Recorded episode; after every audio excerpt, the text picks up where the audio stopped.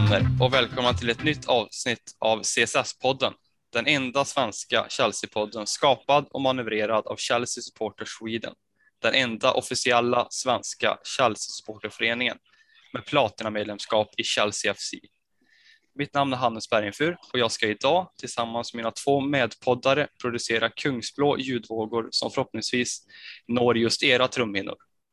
Vi kan börja med att berätta för lyssnarna var i landet vi befinner oss när vi sitter här och spelar in. Så jag vill börja med att anropa Linus i Hönö. Är det rätt Linus? Ja, på Hönö faktiskt, i en ö. Så att, eh, men ja, jajamän, det stämmer. Allt är bra? Jo då, det är bara bra. Det är kul att vara tillbaka efter en helg med fotboll och Premier League har ju startat igång igen, så det är extremt kul. Ja, härligt. Och Sofia, Sveriges Manchester, är det där du håller hus? Ja, det, ja, det kanske är. Det räknas väl som det. Norrköping. Woho! Ja, och själv befinner jag mig på vackra Hammarö i Värmland och njuter av semestern som snart har allvarit igång och så vidare. Men det ska bli skönt det också. Eh, detta är avsnitt 111 av vår fina podcast och idag tänkte jag först med att vi tar ner helgens, får man ändå säga, komfortabla seger på Stamford Bridge. Och efter det ska vi kolla till transferkaruseller och även FPL där vi har en egen liga som har dragit igång med stormsteg för vissa och lite mindre stormsteg för andra, mig inkluderat. Eh, sen ska vi också ha ett nytt segment som vi får se vad ni tycker om och vi vill gärna höra en respons på. Eh, men det hoppas vi ska vara tillfredsställande för alla och för era minnesbanker framför allt. Eh, avslutningsvis ska vi givetvis kolla till Arsenal och matchen mot Arsenal och allt vad det innebär. Men först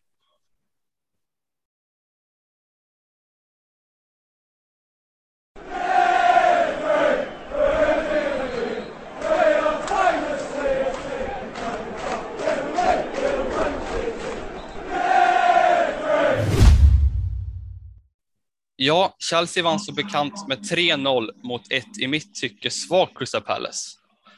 Vad tyckte du om matchen Linus? Jag håller med om att eh, de såg otroligt svaga ut eh, om vi kollar till vårat spel för att vi tog ju tag i matchen från första minut och därefter tyckte jag att vi såg ganska trygga ut. Och därefter så kommer ju målen. Alonso drar in den fina frisparken som jag anser är omgångens mål. Och eh, därefter så flyter det på. Mount inlägg, Werner med löpning på första. Därefter dyker Pulisic upp, får in tvåan. Och eh, det tredje målet är ju det finaste av allt när eh, Chaloba får stänka dit den. Och, ja, det kändes riktigt kul för honom med den försäsongen han har haft och få kröna det med ett mål. Det är ju otroligt kul. Och även att han, han känns som att han kommer ha en plats i truppen i år. Även om kunde ryktas in så tycker jag ändå att det är kul att vi har en från egna ledet som kommer upp och visar sig och vill verkligen vara med i den här truppen. Så det är extremt kul och bra prestation från de flesta spelarna. Jag tycker att det är en stabil insats igen av Alonso. Och jag tycker det är kul att se Jorginho och Kovacic fungera på det sättet de gör. Och, ja, Werner hittar ju som sagt inte målet, men eh, han löper och kämpar på. Men eh, fullt godkänt insats från hela laget tycker jag det vi gjorde bra i spelet då, tycker du Sofia? Eh, framför allt pressspelet eh, i första halvlek, tycker jag. Eh, vi, vi satte hög press tillsammans eh, som ett gemensamt lag, eh, vilket gjorde att de inte fick så mycket tid på sig att, att spela upp bollen eh, och vi vann tillbaka den tidigt eh, på deras eh, defensiva planhalva. Eh, det tycker vi gjorde jättebra. Ehm, sen att vi faktiskt gjorde mål Eh, däremot så det finns ju en hel del saker att förbättra eh, om ni frågar mig. Dels så var det väldigt lågt passningstempo. Vi, vi hade jättehögt tempo när vi satte pressen och var väldigt aggressiva. Men sen när vi väl själva fick bollen så gick vi ner så jättemycket tempot eh, och fick inga tempoväxlingar, vilket gjorde att det blev ganska, ganska sävligt fotboll som, och bollen förflyttades ganska långsamt i, eh, i sidled. Och sen när vi väl kommer till avslut eller så inlägg så, så står redan fyra Chelsea-spelare på plats in i boxen istället för att de kommer in i den ytan med fart, eh, vilket gör att det blir väldigt lättläst för Crystal Palace i det här fallet. Då. Eh, så att vi hade ju kunnat göra fler mål om vi hade haft lite mer rörelse i anfallsspelet. Ja, och, och vi tar ju ledningen genom en fantastisk frispark av Alonso och vi har ju sett sådana frisparkar mm. förut. Eh, kommer Alonso kunna utmana Chilwell en plats i år? Vad tror du Linus?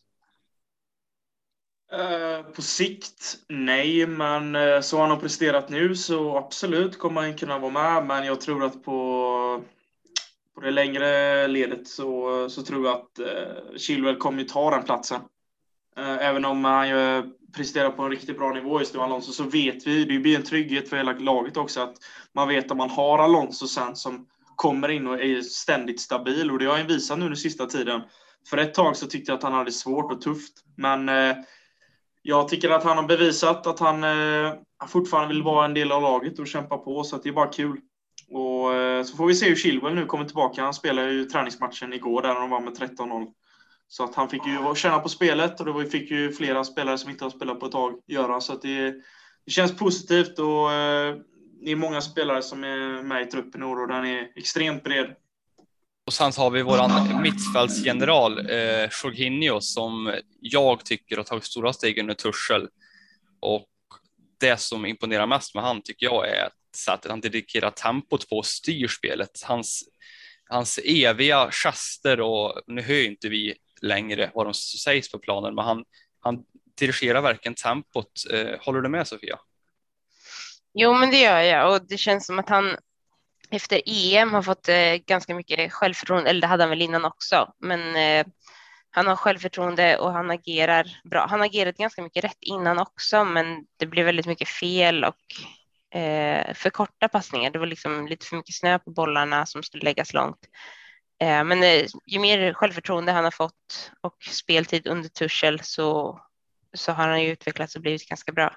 Det gäller bara att han håller i det här nu mot även de lite sämre lagen ja, jag tycker att man ser på hela hans uppenbarelse att det är som att han är, att han är på moln när han spelar, liksom hur han håller blicken uppe liksom och ständigt ja, men, i rörelse och verkar med pondus på ett sätt som han inte hade under, under framförallt med, under Frank. Så jag tycker ju att om man fortsätter så här så kan det vara en fantastisk nyckelfaktor för våran framgång i år.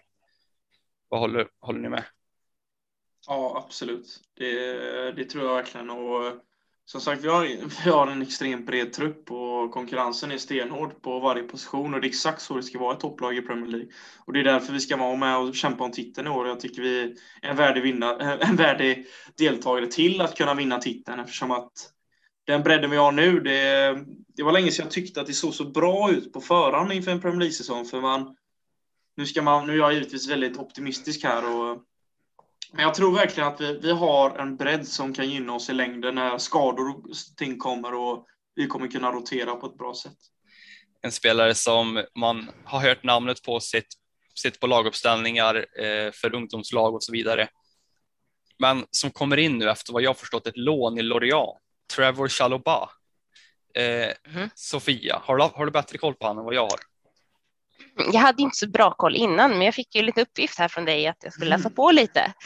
Eh, och han är ju yngre bror till Nathaniel Chaloba som eh, de flesta kanske känner till lite bättre. Eh, men eh, eh, Trevor då, han kommer ju från de egna leden. Han började i Chelseas akademi redan i, som nioåring. Har väl i stort sett alltid varit en defensiv spelare eh, och spelat mest mittback och ytterback, men även en del som sittande in i mittfältare. Eh, spelat väldigt mycket med äldre lag under tidiga tonår, eh, så han har liksom varit väldigt duktig i unga ålder. Han var med säsongen 2015-2016 och spelade samtliga matcher när Chelsea tog hem FA Youth Cup och var även ordinarie i U19-laget som försvarade sin Uefa Youth League-titel. Um, Sen säsongen efter där så var han eh, ordinarie i eh, vårt utvecklingslag eh, och startade 25 av 28 matcher där. Säsongen 2017-2018 fanns han med på bänken i flera av Chelseas och, truppsmatcher, liksom. bland annat fa Cup-finalen mot Manchester United. Det var ju där han fick första där. Sen, sin seniordebut den kom 2018 men den kom inte för Chelsea utan han lånades ut till Ipswich Town i Championship. Eh, och där var det en liten trevande start till en början. Han blandade fina prestationer med misstag, eh, men efter varje match så blev det bättre och bättre eh, och han avslutade säsongen med att ha spelat 44 matcher, vilket är flest av alla spelare i Ipswich. Eh, och trots att Ipswich åkte ur den säsongen så imponerade han så pass mycket att han säsongen efter fick spela i Huddersfield Town. Eh, och strax före den eh, avresan till Yorkshire så skrev han ett nytt kontrakt med Chelsea fram till 2022. Eh, men inför förra säsongen eh, så förlängde han, det är ganska exakt ett år sedan, eh, den 18 augusti förlängde han sitt kontrakt nu till 2023 eh, innan han lånades ut till Lorient i liget. Ehm, och det tycker väl han själv har varit en av de absolut bästa eh, utlåningarna som han har varit på. Eh, för han tvingades till att utmana och utveckla sig själv, eh, både på planen eh, genom fysiskt spel i franska ligan, men också på sidan av planen eh, eftersom han flyttade ifrån familj och vänner. Eh, och han tycker definitivt att franska ligan är ett par steg upp från Championship eh, där han upplevde att det var mycket kamp. Eh, men franska ligan var ett, liksom, ett eh, mer ett kamp, kampmoment kryddat med väldigt talangfulla spelare, målskyttar och så. Eh, I förra säsongen så gjorde han 30 matcher eh, och två mål för den franska klubben. Eh, både som en av tre mittbackar och som central mittfältare. Eh, och han imponerade så mycket med sitt sätt att läsa spelet, vinna boll och starta anfall snabbt. Eh, ja, och han har ju hela tiden haft nära kontakt med, med bland annat Chelseas mittfäl gamla mittfältare Claude Makelele eh, och eh, han berättar ofta om hur Makelele ofta betonat att han kan göra mer med bollen offensivt eh, och att det är någonting som han har försökt utveckla under hela förra säsongen. Eh, ja, han, eh, hans äldre bror då, som eh, eh, har alltid varit en väldigt stor och viktig person för honom. Eh, för att han bollar idéer och vänder sig till honom när han har saker och ting han undrar om. Eh, och brorsan berättar vad han ska och inte ska göra. Eh, och han har ju verkligen gått från, från att varit bollkalle tillsammans med Mason Mount när Messi och Barcelona var här om mötte Chelsea på Stafford Bridge i Champions League till att nu vara målskytt i sin premiär och debut i Premier League. Ehm, så han har haft en häftig resa. Ja, alltså när jag såg Chalobah först där på de första förstagångsmatcherna så blev jag imponerad. Eh, och sen i Supercupen var han ju riktigt bra också. Så jag var inte ett dugg orolig eh, när han fick spela från start nu. Eh, men tror ni att han är före Zuma nu, Linus? Ja, även där är det en konkurrensfråga. Eh, jag har ju andra namn jag håller in där också. Thiago Silva är en spelare som också ska in där och Christensen är också med i de diskussionerna. Och det är svårt att säga helt ärligt. Jag tycker Zuma också är bra och levererar men eh, Chalobah har ju visat sig vara otroligt bra den här säsongen och vi får väl se men det är, svårt att säga nu i början på säsongen. Man kommer laborera runt och vi får se vilka som kommer bli den våran starttrea, men eh, han är definitivt med i diskussionerna skulle jag säga. Och eh, matchen i stort då? Eh, är vi klart att vi är nöjda? Det är en 3-0 seger, en perfekt start på vad vi hoppas en kommer bli en bra eh, ligasäsong. Eh, men vad, vad ser du som det vi tar med oss mest, Linus? Uh, alltså jag skulle nog säga att vi gör tre mål. Det är första gången i Torshäll vi gör tre mål på hemmaplan. Och eh, jag tycker, som även Sofia var inne på det, att det går för långsamt. Men det var också mer att vi, vi tryckte ju ner Pelle så att deras innermittfältare var ju nästan i knäna på deras mittbackar, så vi fick ju tryckt ner motståndarna ordentligt. Och när vi väl fick fart på bollen så blev det farligt direkt. Och man ser även från fasta situationer ser intressant ut. Eh, så det kommer bli extremt kul att se hur detta kommer utveckla sig.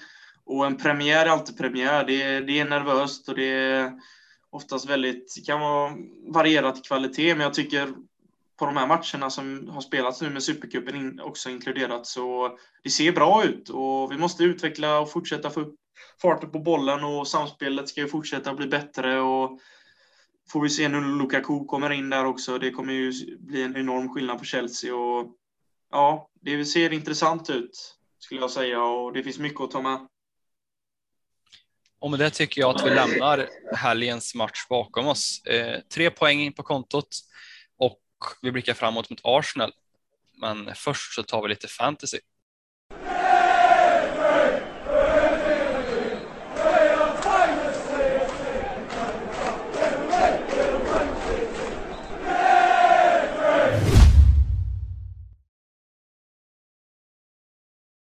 Ja, nu har även vi på CSS gett oss in i Fantasy Premier League-snåret och skapat en egen liga.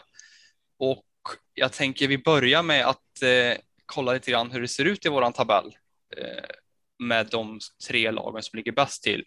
Och där har vi just nu på första plats eh, The Blues med Jakob Eriksson följt av Cobra Kaiverts FC, antagligen inspirerat av Kai Havertz, eh, som Robert Jonsson manövrerar. Och sen har vi, ja du, Bertin See You Later på, den, på en tredje plats med, av Emil Gustafsson. Det här är tre som har lyckats bra första omgången. Eh, hur har det gått för dig Linus? Det har gått ganska bra. Jag har slutat på 97 poäng, så jag ligger på plats 40 i serien. Så att, eh, en helt okej okay start och eh, jag har ändrat lite i laget inför nästa omgång. Så att, eh, ja, jag är hyfsat nöjd i alla fall. Själv då? Ja, nej, jag, jag missade deadlinen. Jag var kvar i de gamla eh, spåren att det var en timme innan och inte en och en halv. Så jag hade bara knoppat ihop någonting för att sen ändra innan. Så jag fick 60 poäng. Eh, ingen katastrof, men har tagit ett wildcard inför omgång två. så, ja. så ingen höjdare skulle jag säga. Nu vet jag ju att Sofia inte inte har fantasy, men eh, så vi kan inte kolla hur det går för dig. Men du hade antagligen blivit före mig i alla fall. Ah, det vet jag inte riktigt. Jag är, det skulle varit nybörjartur i så fall att jag lyckas trycka in någonting så att det blir bra. Men eh, ja, du, du är före mig i alla fall. Hoppas att det stannar så då. Det är inte mm. för sent än. Nej, vi får se vad som händer. Hur tänker vi nu då Linus? Eh, vilka Chelsea-spelare ska vi ha i nästa omgång? Ja, jag tog också faktiskt ett wildcard för jag ville göra om totalt i min trupp för jag ville få in lite starkare spelare och då får man offra lite. Men jag, jag vill in Lukaku på topp så att jag fick ju sälja och röra om lite i grytan. Men jag har kvar, jag har Lukaku, Rudiger och Mendy för jag tänker att vi kommer vara starka i försvaret i år och vi kommer hålla en del nollor och därför väljer jag Mendy och Rudiger är ju den mest självklara där bak skulle jag säga och därför väljer jag ha Rudiger som back också. Och Lukaku då, för att jag hoppas att han kommer igång direkt och förhoppningsvis får speltid från Arsenal, mot Arsenal och stänker in några baljor. Ja. ja, jag har också tagit in Lukaku i mitt lag. Eh, det var väl primärt därför jag tog det här wildcardet eftersom att jag har varken hade Lukaku eller Kane i laget och jag tror att de två kommer vara nycklar offensivt i mm. fantasy. Så jag har också tagit in Lukaku, sen har jag Mount och Havertz. Eh, det är ju en liten gambling, men jag tycker om båda två så mycket så jag kan inte lämna dem utanför ungefär så. Men har du Arsenal-spelare i din trupp? Uh, inte i startelvan har inte jag. Smith Rowe på bänken, men uh, ingen i startelvan. Uh, och det ångrar jag inte nu efter helgen heller. Uh, så att, men det, det, finns ju många spelare man vill in också, så att det är ju det är svårt. Och, och det är en del tur också, givetvis. Ja, jo, men nu vet jag inte ifall det är så här i vår liga, men globalt så är det de med triple captain som ligger i toppen, som kanske tog det på Salah eller Fernandes eh, som har gått bäst. Så det är ju ett man är in it for the long run så att säga. Men vilka spelare tror du generellt i Premier League kommer att vara nycklar den här säsongen? Eller just nu bara? Mm, alltså, jag valde Pogba för första gången. Han gjorde fyra assist, så det var ju ganska bra att få in honom där. Han är ganska billig också. Om vi kollar till, eh, ja, han ligger på 7,5 tror jag. Och eh, det är ju ändå en klassspelare. Äh, 7,6 ligger han på. Och eh, Sen tror jag även att Pereira i Leicester kan bli en bra spelare, för han gjorde assist nu första matchen här till Vardys mål och är ju en duktig högerback som eh, älskar att eh, flytta fram på högerkanten och bara trycka in inlägg mot forwardsen. Så att eh, jag skulle ändå säga Pogba, Pereira och även Fernandes och Salah är ganska självklara för mig, men jag tror även att eh, Westergaard i Leicester kan också bli bra om han får komma in. Han är värvad precis till Leicester och det är, de har ju en stabil backlinje med målvakt med Michael där, så att eh, jag tror att det, det kan lossna även för Westergaard om han får speltid där. Så att det, det är Pereira, Westergaard, Pogba, Salah, Fernandes. Så det är ju några namn och jag tror även att Lukaku kan bli farlig i poängen. Det, sen Kane också, men det beror på hur situationen löser sig nu i Tottenham med den här karusellen med Kane. Så jag har några namn. Så du har Fernandes i ditt lag? Ja, det har jag. Jag hade han som kapten första matchen. Ja, jag, jag kan inte ha Fernandes i mitt lag av personliga skäl, så annars skulle han ju vara bra. Men ja, jag tål honom inte om man säger så. Nej, det gör inte jag heller, men han gör för mycket poäng. Det är därför ja. jag, måste ha honom. Ja, jag har Salah istället. Eh, mm. Men om jag får lyfta ett par då så tror jag mycket på Adam Armstrong i Southampton. De har ju ett hål att fylla och han är en bra spelare och gör mål direkt också. Mm. Så för sex, sex, vad är det, sex miljoner är det väl, så tycker jag att han är en bra spelare. Och sen då Robertson ersättaren Simikas för fyra är ju ett kap. Han kommer ju vara ordinarie i minst tio veckor framöver på vänsterkanten i Liverpool. Och mm. för, för den pengen också så tycker jag att det är självklart. Så han kan jag tipsa om för alla som inte har honom i laget. Annars så har jag även Livramento och Gilmore bland annat på bänken. för, ja. Så jag hoppas att unga spelare kan utvecklas. Eh, men ja, mer än så behöver vi inte säga om fantasy, men jag tycker att ni, även fast ni kan eller om ni är nybörjare som Sofia så tycker jag ni ska gå in och och gå med i ligan för det, det blir extra kul. De, framförallt matcherna som inte Chelsea spelar då, där man kan sitta och kolla på till exempel Newcastle mot West Ham och, och jobba in poäng för Bowen eller Saint Maximin. Så det rekommenderas att gå med i, i CSS-poddens egna fantasyliga.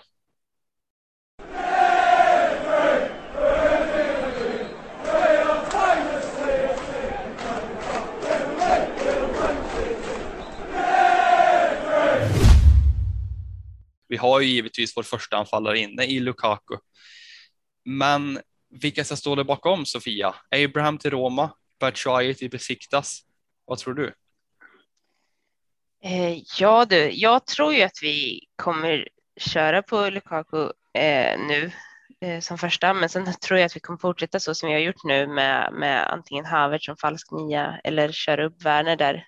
Eh, jag tror inte det kommer hända så mycket mer på den fronten. Men det kanske är för att jag är lite tråkig och tycker om att titta på vilka spelare vi har och vad vi kan göra med dem istället för att sitta och längta efter sådana som vi inte har. Ehm, jag vet inte, vad säger ni? Ja, men jag, nu, jag tänker så här, jag minns ju matchen mot Atletico Madrid när Giroud kom in och jag tyckte att han bidrog väldigt i, alltså med targetspel och så vidare. Utan en Lukaku känns det inte som att vi inte har att det fattas en joker att slänga in i sådana där stängda lägen? Linus? Ja, jag tänker mest, blir det Luka, eh, Lukaku på topp så kommer jag antagligen Werner hamna på bänken. Och jag, blir lite, jag själv tyckte att Brocha inte skulle blivit utlånad. Eh, min personliga åsikt. Jag skulle vilja haft honom där. Först att Werner givetvis är första alternativet att ta in, men även att Brocha är ett namn som kunde kommit in. För jag tyckte han gjort det bra för säsongen och Får han speltid i Premier League så kommer han ju bli en bra spelare för Chelsea i framtiden. Och nu kommer han ju få speltid när han är utlånad, givetvis. Men jag hade gärna velat ha kvar Brocha, för då hade vi inte behövt... För just nu känner jag att vi kanske behöver plocka in en spelare till. Men eh, vi får la se hur Torshäll tänker med truppen här nu. Men mm, jag håller med dig. Vi behöver någonting mer som stärker upp bakom Lukaku. Ja, men det kändes lite onödigt när vi hade, eh, hade ju Abraham Giro, vi hade Ugbo och Broscha och Batshuayi då, visserligen vill inte jag att Bat ska vara in och spela. Eh, men det är ändå fem spelare som kan vara alternativ till Lukaku som spets. Eh, mm. Och alla de är borta. Eh, mm. Vad liksom, jag tycker inte att, att är Werner rätt person att slänga in när vi ska jaga mål? Är Ziyech det? Är Pulisic det? Eh, ja, jag vet inte, jag är lite skeptisk alltså. Eh, men jag... ja, varsågod. Uh, nej, nej, men jag, jag kan hålla med där om att jag personligen hade nog velat ha en mer targetspelare bakom honom. Men om vi kollar på hur Tuchel spelade i våras så valde han ju att bänka både Giro och Abraham till förmån för både Werner och Havertz. Eh, så då känns det kanske inte dumt, men det känns, känns lite som att han, han inte vill ha en till spelare där, utan han vill spela Lukaku eller så vill han ha någon mer fartfylld där framme. Ehm, men det kanske var för att han inte tyckte om Abraham och Giroud, det vet inte jag. Men eh, känslan av var att han hellre vill ha folk som kom bakifrån och löpte mer hemåt. Och Abraham är inte presenterad, men vi kan väl säga att han är klar för Roma. Vad tror du om den flytten för Abraham, Linus? Det tror jag är en eh, otroligt bra värvning för Roma. Och jag tycker det gynnar båda parterna i den här affären för att det är nu, vi kommer göra nu, vi kommer att ha tillbaka köpsklausul för honom också, så vi har möjlighet att köpa honom i framtiden. Och jag tror att får Mourinho igång honom nu i Roma så kommer det bli en fantastisk anfallare för Roma och även för engelska landslaget. Och jag unnar honom all framgång. Eh, det är en duktig forward som tyvärr har lite svårt för att hitta målen enkelt. Det kan behöva 5-6 lägen innan första bollen sitter. Och, eh, men kommer han rätt till nu i Serie A så tror jag att han kan lyckas riktigt bra. Och det, det hade ju bara varit roligt tycker jag. Eh, och det är en bra affär och det är, det är ett bra pris på 40 miljoner euro eller vad det är ungefär. Så det är ett bra pris. Och, nej, jag tycker det är, en, det är en bra affär helt enkelt. Hur ser konkurrenssituationen ut i Roma för Abraham? Vilka är det som är spetsalternativ där? Ja, nu är det ju, han kommer ju ersätta, han kommer ju antagligen gå rätt in i elvan tror jag. Uh, för nu försvinner Dzeko. Han gick ju till Inter när Lukaku gick till Chelsea, så det blir liksom lite bytta roller där mellan klubbarna. Så jag tror att han kommer gå in där. För Roma har eh, stark offensiv, men på forwardsidan så är det lite svalare där. Och eh, Borja Majoral har ju varit ett alternativ innan. Eh, som har kompletterat till Dzeko, så jag får, vi får se hur det blir nu Roma. Men jag, jag tror att Abraham kommer gå in som första val i Roma. Eh, jag läste något om en återköpsklausul. Vet ni om det, mm. om det är liksom bekräftade källor eller trovärdiga källor eller så? Eller? Det ryktas ju om det. Och det, det var 80 miljoner euro tror jag, va? Någonting i den stilen. Jag, jag har läst på Twitter och på olika hemsidor, men jag som sagt, det, jag tror det var, jag kommer inte ihåg vilken källa som droppade den nyheten. Nu ska jag inte säga något som inte stämmer här, men jag, det ryktas ju om att det ska vara det. Får vi se sen när, när allting är klart och allt blir skrivet på papper. Ja.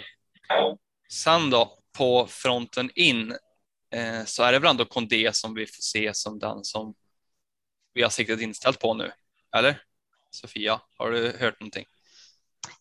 Nej, jag har ju inte det. Eh, men jag är inte ute och far så jättemycket heller på de här silly och rykten eh, vägarna och artiklarna och så. Så jag känner att jag har lite dålig koll där. Eh, då jag inte är jätteintresserad av det. Eh, så att, eh, har ingenting att tillägga på just den punkten. Du är ingen sillnörd alltså? Nej, jag är ju inte det. Jag gillar ju att se vad jag har. Eh, titta på vad kan vi göra med de spelare vi har just nu eh, och hur kan vi få ihop ett lag på bästa sätt. Sen kan jag önska mig att jag vill ha den här typen av spelare, men jag har dålig koll på vilka spelare som är den typen av spelare. Okej, okay, ja. Du då Linus, har du hört någonting mer om kondi? Nej, det har stått stilla ganska några dagar här nu, men det ryktas ju fortfarande att han ska in. Eh, att han är på Torshälls radar. Och, eh, men det är som sagt, de kommer inte riktigt överens gällande priset har jag fattat som eh, mellan klubbarna. Det är mycket rykte fram och tillbaka. Och, men nu, nu, det blir så svårt för nu när Chaloba har levererat på den nivå han har gjort, vilket jag inte trodde på förhand, och det gör ju att jag hellre ser att vi har kvar det materialet vi har, som Sofia var inne på, att man jobbar med de spelarna man har i klubben. Och jag tycker vi har tillräckligt många backar för att göra det. Och nu när när har kommit upp också så tycker jag att vi har ju en ung mittback också som kommit upp här och, eh, som ser lovande ut. Så jag, ja, jag, jag har inget jätte, jättebehov för att få in en back till, men eh, vi får väl se vad Torshäll tänker. Ja, men som jag, som jag ser det så Eh, är det ju väldigt intressant mittbackssituation då Chaloba ju spelade i den högre mittbackspositionen nu, där vi har sett framförallt då Aspelikuet och Christensen tidigare. Silva brukar ju ha mittenrollen då, det Christensen har gjort det jättebra när han har fått chansen. Men det är också där Zuma brukar spela. Eh, så egentligen så det känns ju som att om Kondé ska in så måste ju någon ut och att den platsen som jag såg Conte som passade bäst på, den har ju Chalobah tagit nu. Mm. Eh, sen så förstår jag ju att, det, att Chalobah kanske förpassas till bänken eh, när vi har fullt manskap om Aspelekueta droppar ner eller så. Eh, men det känns ju som att vi har bra täckning och ja, det känns nästan som att en ska ut och ingen behöver komma in.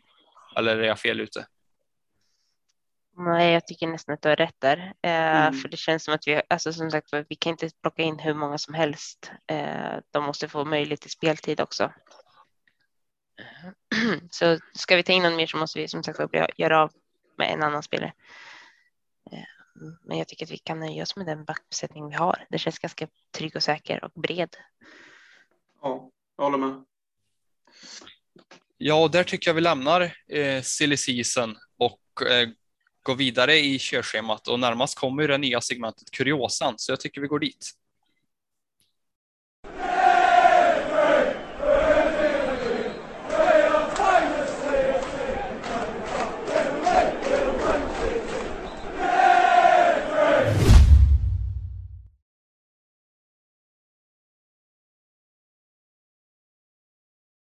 Och nu ska vi testa det här lilla nya segmentet då som vi har valt att kalla för kuriosan. Och det går till på så sätt att jag kommer läsa upp några rader som återberättar en minnesvärd stund för att sedan avbryta och se om någon av er, er andra då, Sofia eller Linus, kommer minnas vad som hände och vad som efterföljde det jag läser upp då. Så förstår ni vad ni ska göra? Absolut. Ja, yep. ja då kör vi då. Datumet är den 12 maj 2017. Efter 80 minuters hårt slit och frenetiskt kämpande har Chelsea fortfarande inte fått in bollen bakom Foster i motståndarkassen. Så här i slutet på säsongen är varje touch, varje beslut och varje aktion säsongsdefinierande. Ett skott utifrån blockas av en försvarare och bollen hamnar ute hos vår allas egna Cesar Dave Aspilicueta. Vad händer sen, Sofia? Mm. Sa du någon matchminut? Nej, det sa du inte va? Efter 80 minuters hårt. Efter 80 minuter? Ja, men då tror jag att han lägger ett inlägg till, till eh, Batshuay. Som i mål. Ja, det är helt rätt. Mm. Vad, vad, leder det till då? Att vi vinner med 1-0. Ja, det är också rätt.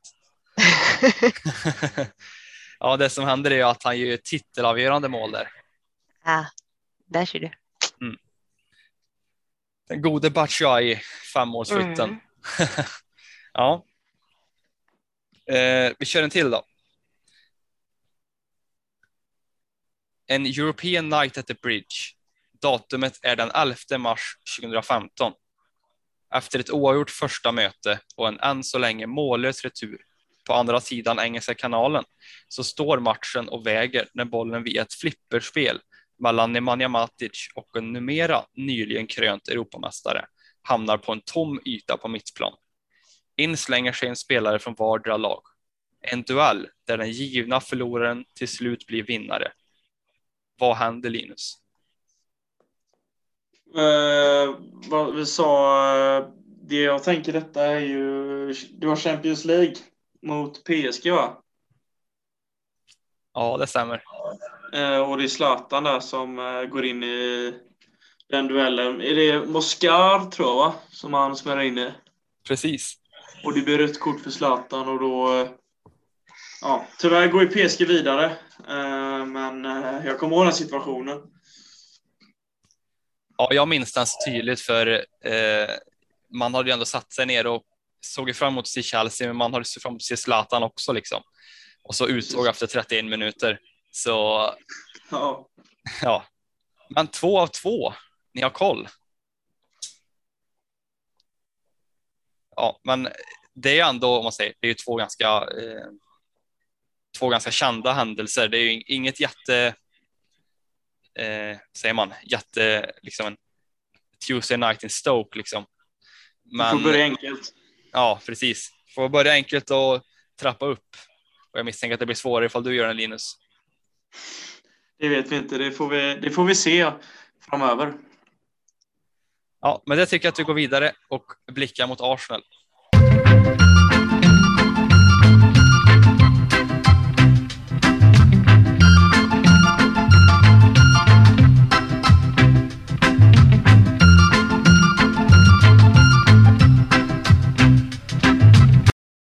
Jag tänkte att vi kunde börja uppsnacket inför Arsenal-matchen med en kuriosa som vår eminente medpoddare Jakob Lindström har producerat. Men på grund av att han tyvärr inte kan medverka idag så får jag anta mig uppgiften att berätta denna återblick. På den gamla goda tiden, som vi minns, alltså slutet på 20-talet, då David Calderwood var sportchef i klubben, så var det väldigt ofta som så att Calderwood spelade golf tillsammans med en serietecknare på London Evening Standard vid namn Tom Webster. Och Webster hade, en, hade i en seriestripp angående fotbollsspelare gjort spelarnas tröjor med vita armar, alltså till exempel blåa på bålen och armarna vita. Detta var något som Calderwood ville skapa på sina tröjor i Chelsea och tänkte att det var något helt nytt för fotbollen. I samma veva spelade även Webster golf tillsammans med Arsenals ordförande Herbert Chapman. Och där berättade Webster om idén med tröjorna. Enligt berättelsen så ska Chapman blivit så imponerad av detta förslag att han avbröt golfrundan, vilket ansågs vara riktigt förbjudet i gentlemannakretsar. Chapman startade processen med att färga tröjorna. I första matchen som de bar de nya tröjorna så var det ett ordentligt åskväder och den röda färgen rann ut över ärmarna. Chelsea och Calderwood däremot arbetade med denna lösningen i några år och tog sedan ett slags patent på färgningen så att den inte rinner ut. Arsenal stod nu med helt värdelösa matchtröjor, tusentals pund i sjön och flera år skulle gå innan de kom fram till lösningen på hur färgen inte skulle rinna.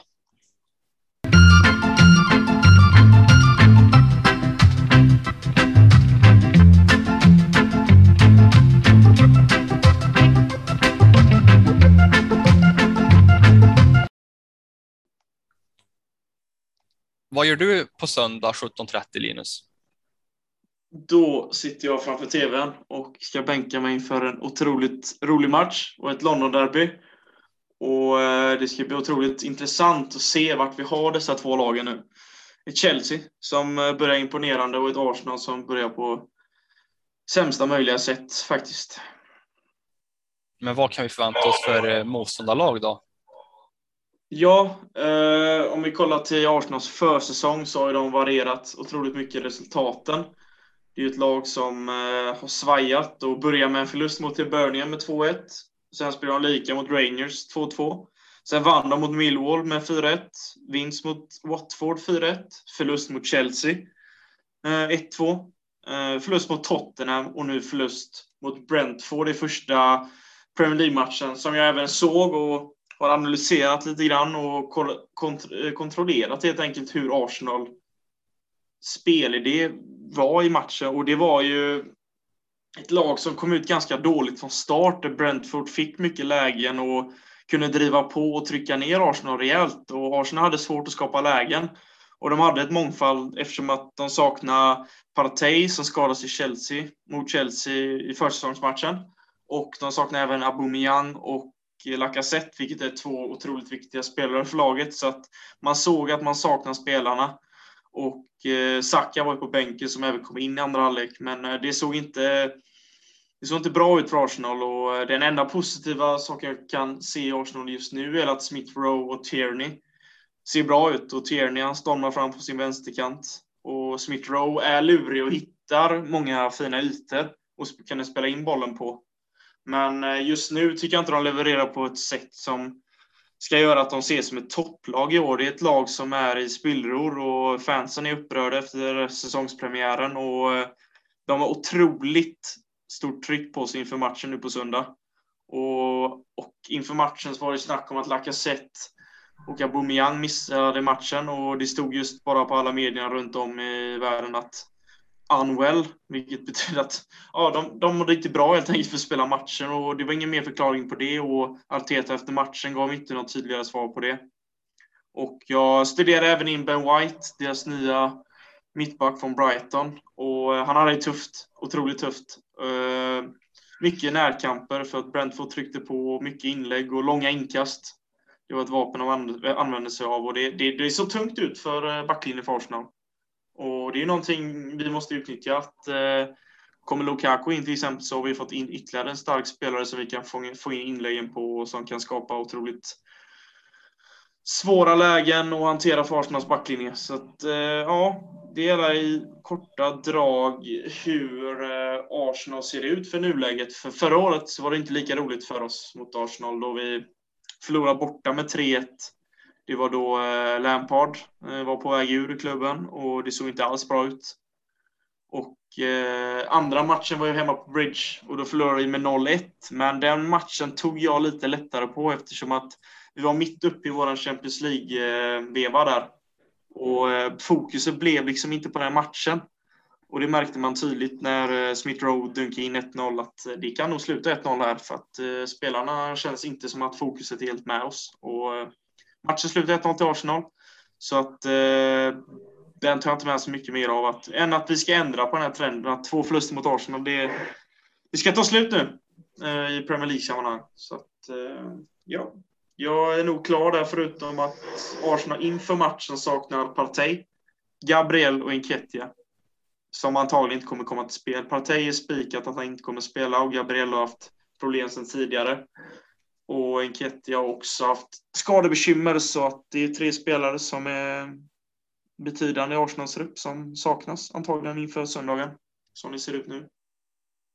Men eh, taktik och sidor då, eh, sett till Arsenal, mm.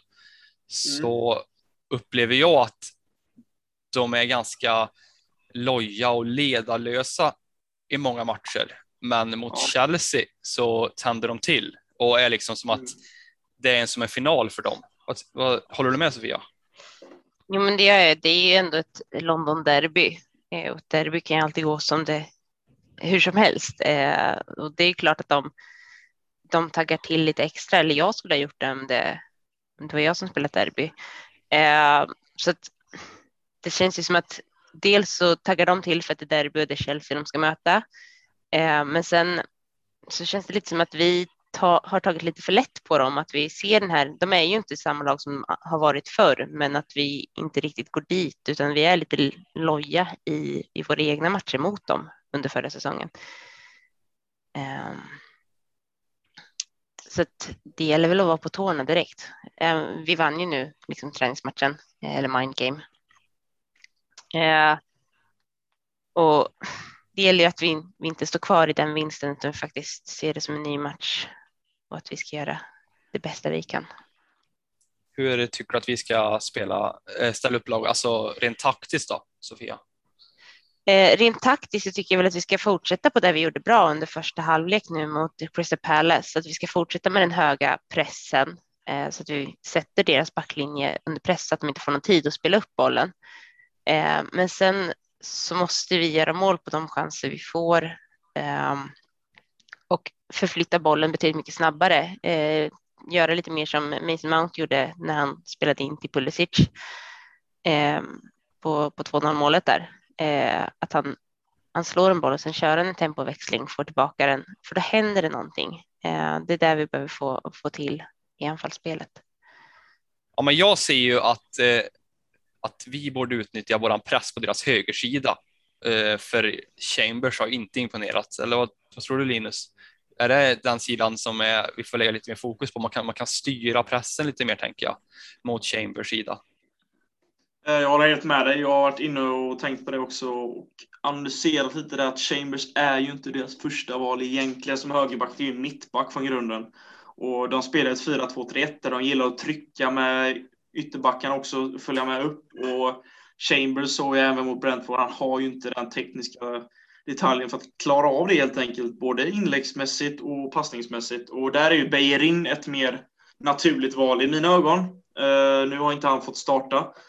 Uh, han kom även in mot Chelsea i försäsongsmatchen och uh, vi får la se, men för mig är ju Bejerin ett starkare hot för Arsenal på sin högerkant, för Tierney störtar ju fram på vänsterkanten. Det är en bra vänsterback och han kommer att skapa lägen och från högersidan, som sagt, det är den kanten vi kommer kunna straffa Arsenal mest, tror jag.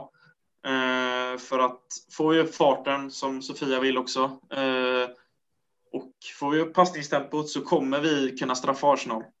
Och eh, det kommer vi kunna göra om vi använder oss av våra tidigare bra spel som vi har lyckats med och våra kombinationer och ständigt få bollen i rullning, då kommer vi kunna skada Arsenal och straffa dem hårt. Eh, och det är vilket vi vill se, givetvis på söndag. Och det blir eh, intressant att se hur Arsenal kommer ställa upp efter den här första matchen om Arteta väljer att totalt renovera och göra om i startelvan eller om det blir liknande elva som får förtroendet igen. Spontant tänker jag att eh, en, en 3-5-2 eller 3-4-3 hos Arsenal är inte osänkbart. Vad tror ni? Nej, det är helt möjligt. Det, det tror jag också. Men det är samtidigt så undrar man ju lite om de kommer när vi kommer upp i anfall, då blir det nog falla ner på en femback antagligen och sen straffa oss med eh, att, att trycka yttrarna och trycka upp sina ytterbackar. Uh, men det är intressant hur mycket de vågar att gå fram också. Givetvis så är det deras hemmapremiär och de vill givetvis visa publiken vad de går för. Så att det är en liten oviss matchbild på förhand. Men det är helt beror på hur våran sida tycker jag vi kommer kunna för vi kommer kunna se det spelet vi har sett tidigare. Men det beror helt på hur Arsenal och hur de vill spela mot oss den här matchen. Ja, har ni hört någonting om Lacazette och Aubameyang? Eh, om de är om de kan spela till helgen? Nej. Nej det enda jag har sett är liksom om man kollar på Premier Injuries eller det gamla Fizzy Rooms så står det fortfarande att status osäker på dem, men att de kanske missar matchen, men det är alltså, det verkar ju så, så osäkert överhuvudtaget vad det var som gjorde att de missade matchen. Så att, eh, mm. Ja. Ja, för jag tänker ju att en, en 3-5-2 med Aubameyang och Lacazette fram och så Saka och Tierney på kanterna det kan ändå vara farligt, framförallt ifall de står mm. emot och ställer om. Så, så det är jag lite rädd för att, att de kommer att, det är, de har ju lyckats bra tidigare eh, mot oss så att säga. Absolut. Men hur ska vi ställa upp då för att vara redo för det här Arsenal? För vi, har, vi kommer ju inte att anpassa vårt spel efter hur Arsenal ställer upp, utan vi kommer köra vår, vår eh, 3-4-3 givetvis, eller 3-5-2, beror på hur, mycket, hur, högt upp Mount står. Eh, vad tror ni? Eh, vilka kommer vara där bak? Linus? Eh, ja, jag tror det kommer vara, jag tror faktiskt att det kan vara samma trio som får förtroende. Eh, som vi hade mot eh, Pallas där. Men det beror helt på hur eh, Torshäll känner att de andra spelarna är redo. Och om det blir några skillnader, för att det var ju Chaloba, Christensen, Rudiger som fick förtroendet senast. Uh, och uh, ja, alltså det är svårt att säga. Det, det var ju en stabil backlinje, så att det kan ju lika väl bli likadan igen, tror jag faktiskt. Och wingback, Sofia, vilka skulle du välja? Eh, ja du, eh, alltså jag tycker Alonso har gjort det bra nu. Eh, jag har inte jättemycket koll Linus, du hade koll på vilka det var som spelade igår eller i träningsmatchen? Mm, ja, jag kollade. Jag var mest eh, målskyttarna jag kollade, men okay, jag vet uh. att eh, Thiago Silva fick spela igen. Uh. Och gjorde även mål och sen Chilwell och Emerson fick mer speltid. Mm. Nej, jag tror ju fortfarande på Alonso där, även om jag skulle vilja ha in Chilwell. Uh, Men eftersom Alonso har gjort det så pass bra och så pass många minuter i benen så han är verkligen inne i tempot. Men jag, ja, sen tror jag fortfarande att Aspi kommer fortsätta få, få jobba där. Framförallt när vi har Chaloba som, eh, som ytter av de där tre i det centrala. Eh, för att få lite, eh, vad, vad heter det, lite tappar jag ord här. Eh, ha, ha en, en lärare, läromästare, lite äldre spelare där som kan, kan styra upp. Eh, men både han och James skulle kunna göra det bra där. Ja, annars får du haft att se Chaloba och James. De båda mm, 99 det hade varit. på en kant. Mm. Ja, men jag tror också att eh, om Chaloba startar så är det Aspi. Jag tror Aspi kommer starta vilket som. För framförallt i ett derby så behöver man behöver man han, eh, hans ledarskap och hans rutin där på kanten eller i mittförsvaret då. Så det instämmer jag helt på. Sen då i mitten. Jogge såklart och sen eh, Kanté om han är frisk. Det är väl självklart, eller? Ja, i mina ögon så är det nog det. För att nu har jag läst rykten om att han ska vara tillbaka i träning nu i veckan, eh, Kanté. Och eh, då är Kanté givetvis given i startelvan.